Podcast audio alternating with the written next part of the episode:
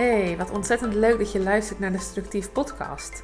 Ik ben Rogama van Elzakker en ik help je aan meer structuur en overzicht binnen je werk of bedrijf. Als je wel eens denkt, hmm, dit kan efficiënter en doelgerichter, dan is deze podcast voor jou. Als structuurcoach krijg ik heel vaak de vraag: maar hoe doe jij dat dan? In deze podcast geef ik antwoord op die vragen door een eerlijk inkijkje te geven. Maar ik hoop je ook te motiveren en inspireren om er zelf mee aan de slag te gaan. Want uit ervaring kan ik zeggen hoeveel rust en tegelijkertijd focus het me geeft om een planning op orde te hebben. Zo realiseer ik mijn dromen en doelen op het gebied van werk en dat werkt niet alleen door in mijn bedrijf, maar ook in mijn gezin. En dat gun ik jou ook.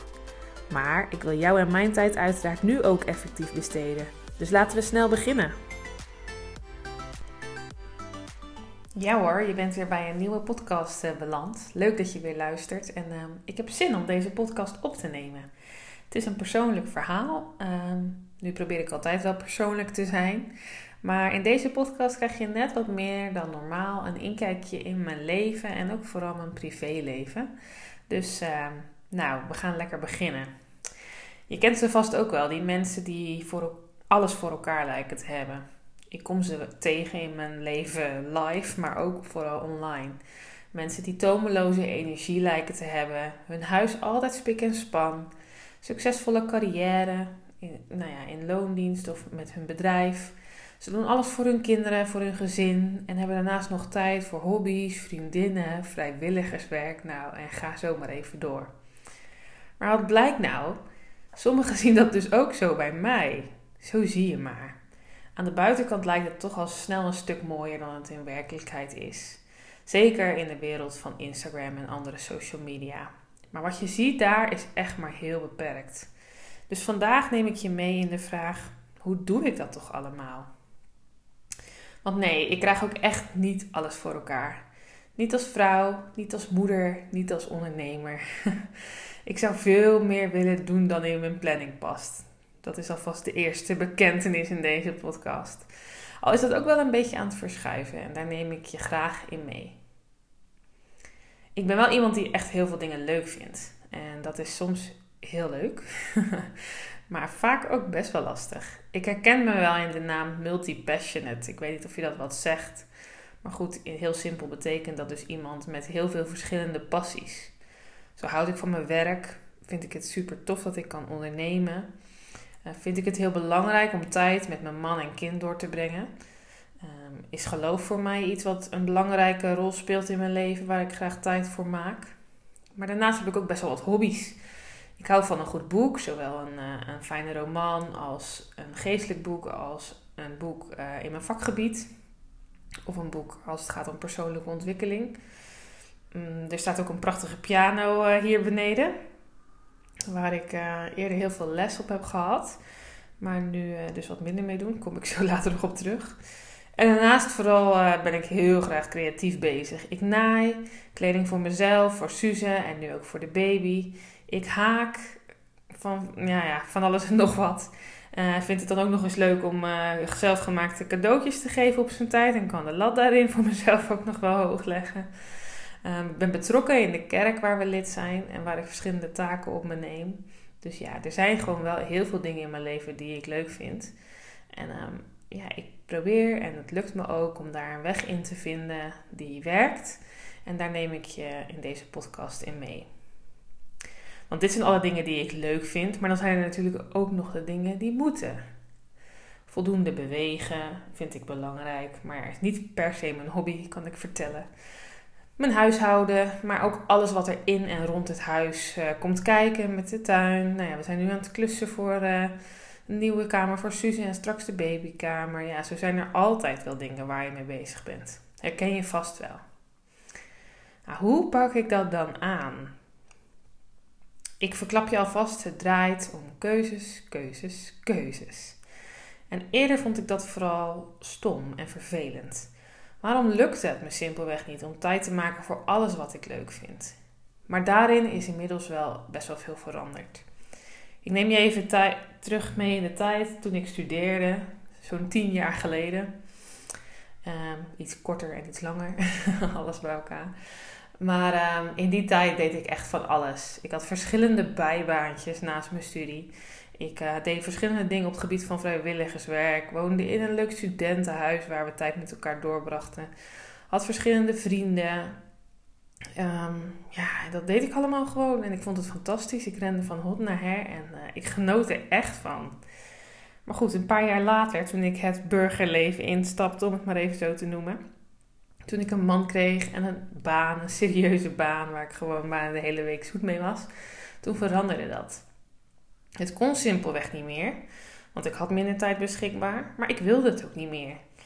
En nu ik moeder ben geworden, is dat natuurlijk nog verder veranderd. Want daar, ja, als je moeder wordt, de moeders die nu luisteren zullen dat ongetwijfeld herkennen, dan verandert je tijdsbesteding helemaal. En een tijd lang heb ik dat dus best wel lastig gevonden en voelde ik me heel beperkt. En zo voelt het nog steeds wel eens. Maar, daar moet ik bij zeggen, ik leer steeds meer om tevreden te zijn met het feit dat ik wel heb.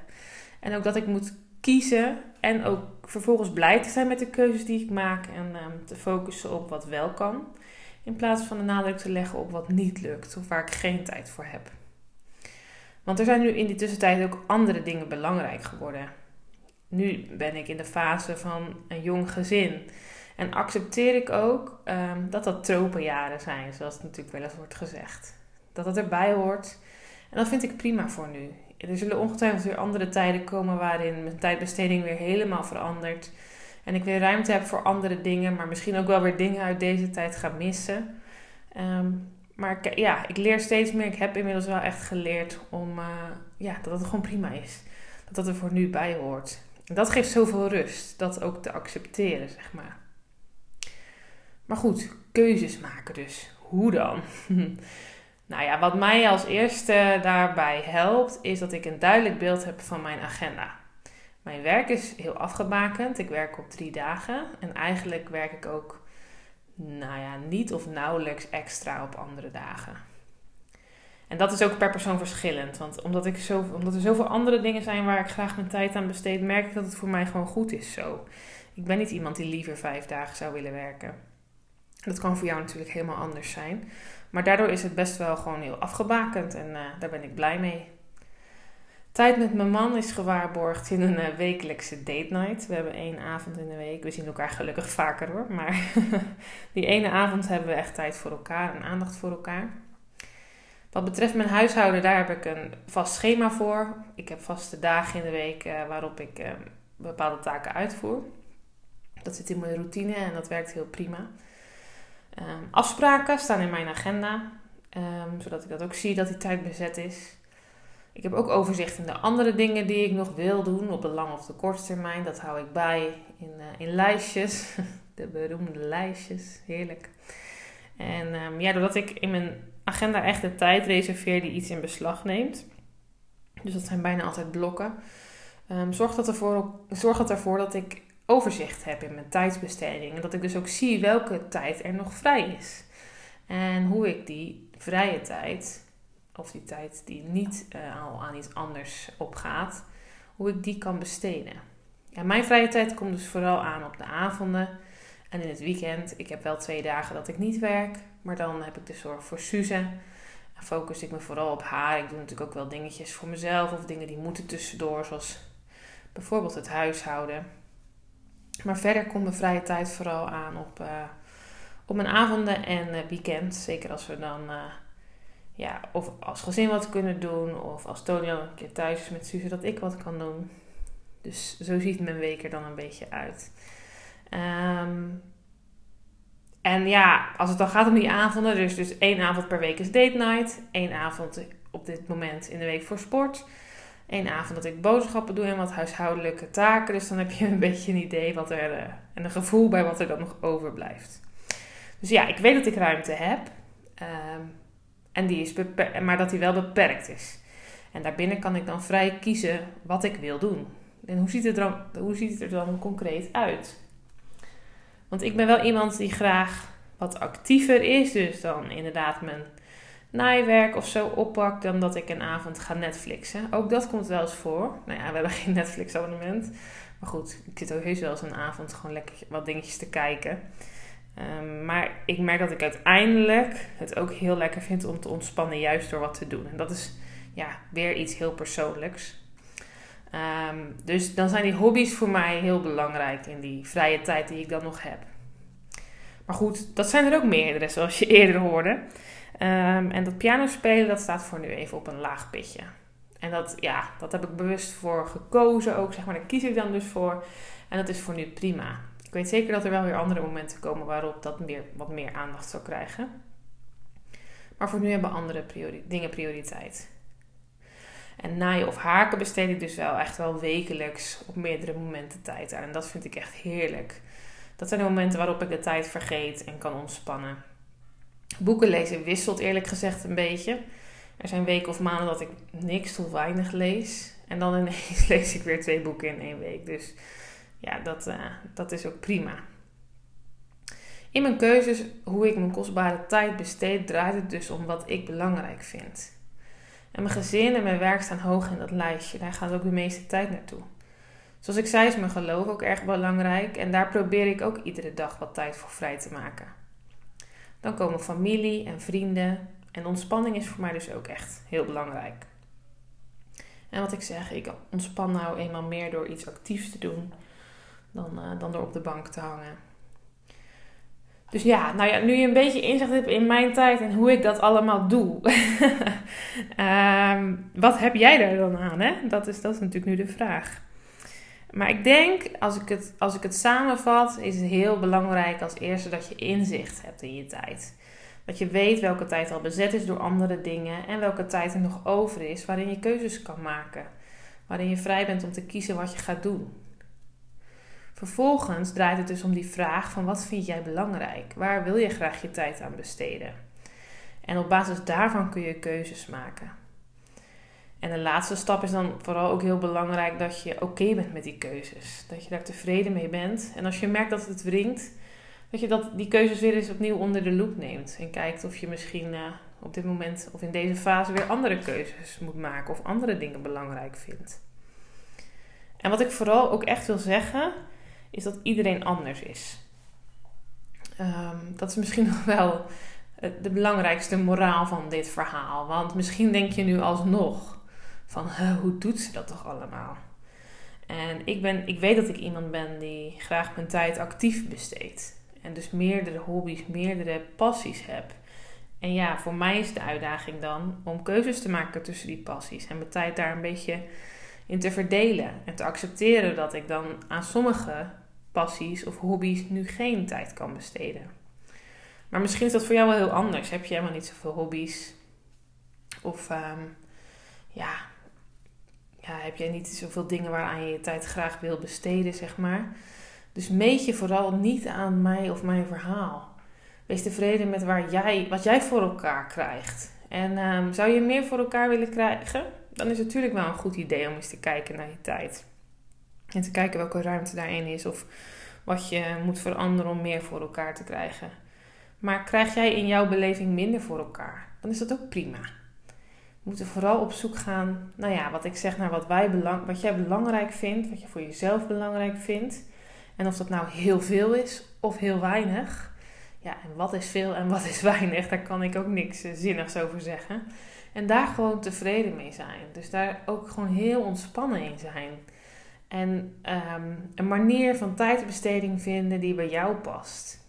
En niet meten aan wat een ander misschien wel voor elkaar krijgt. Of ja, het huis van een ander waar het er altijd netjes uitziet. Dat kan voor iemand heel belangrijk zijn. Nou, misschien is dat voor jou wel minder belangrijk. Dan besteed je daar minder tijd en aandacht aan. Zo simpel is het. En ja, ook voor mij is dat wel steeds een oefening om ja, dicht bij jezelf te blijven. Dat lukt regelmatig goed. En soms ja, dan trap je weer in zo'n valkuil dat je je gaat meten aan anderen. Op welk gebied dan ook. En ehm, ja, uiteindelijk geeft dat zoveel onrust. En geloof ik ook niet dat dat de bedoeling is. We zijn allemaal uniek. En uh, we hebben allemaal eigen dingen waar we, die we belangrijk vinden. Waar we energie van krijgen. Waar we verantwoordelijk voor zijn. En dat mag ook. Dus dat is helemaal prima wat mij betreft. Dus vind vooral de manier van tijdbesteding die bij jou past en stop met vergelijken. Dat wil ik je graag nog meegeven. En dat zeg ik ook tegen mezelf. Nou, dat was hem voor vandaag. Dankjewel voor het luisteren. Ben benieuwd uh, ja, wat je van mijn verhaal vindt. Um, en ja, ik, ik moedig je ook echt aan om te gaan ontdekken wat voor jou werkt. Wat een tijdsbesteding is die voor jou past. En uh, ja, wat je van jezelf wil en mag verwachten.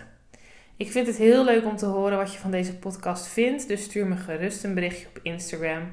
Deel de podcast in je stories of laat een review achter op iTunes. En als je dat nog niet deed, volg me dan dus op Instagram, Structief. Daar deel ik nog veel meer tips en blijf je op de hoogte van een nieuwe aflevering. Herken jij je wel in het verhaal van veel willen, veel ideeën hebben, maar niet tot actie komen? Door tijdsgebrek en drukte in de waan van de dag? Achter de schermen ben ik bezig met een online cursus waarin ik je help om van je misschien nog vage idee een concreet actieplan te maken waar je resultaat mee gaat behalen. En dat in maximaal 4 uur. Volg me vooral op Instagram zodat ik je op de hoogte kan houden van wanneer deze cursus live komt en waar je alle informatie kan vinden. Nou, dan rest mij nog je een hele fijne en productieve dag toe te wensen en heel graag tot de volgende keer.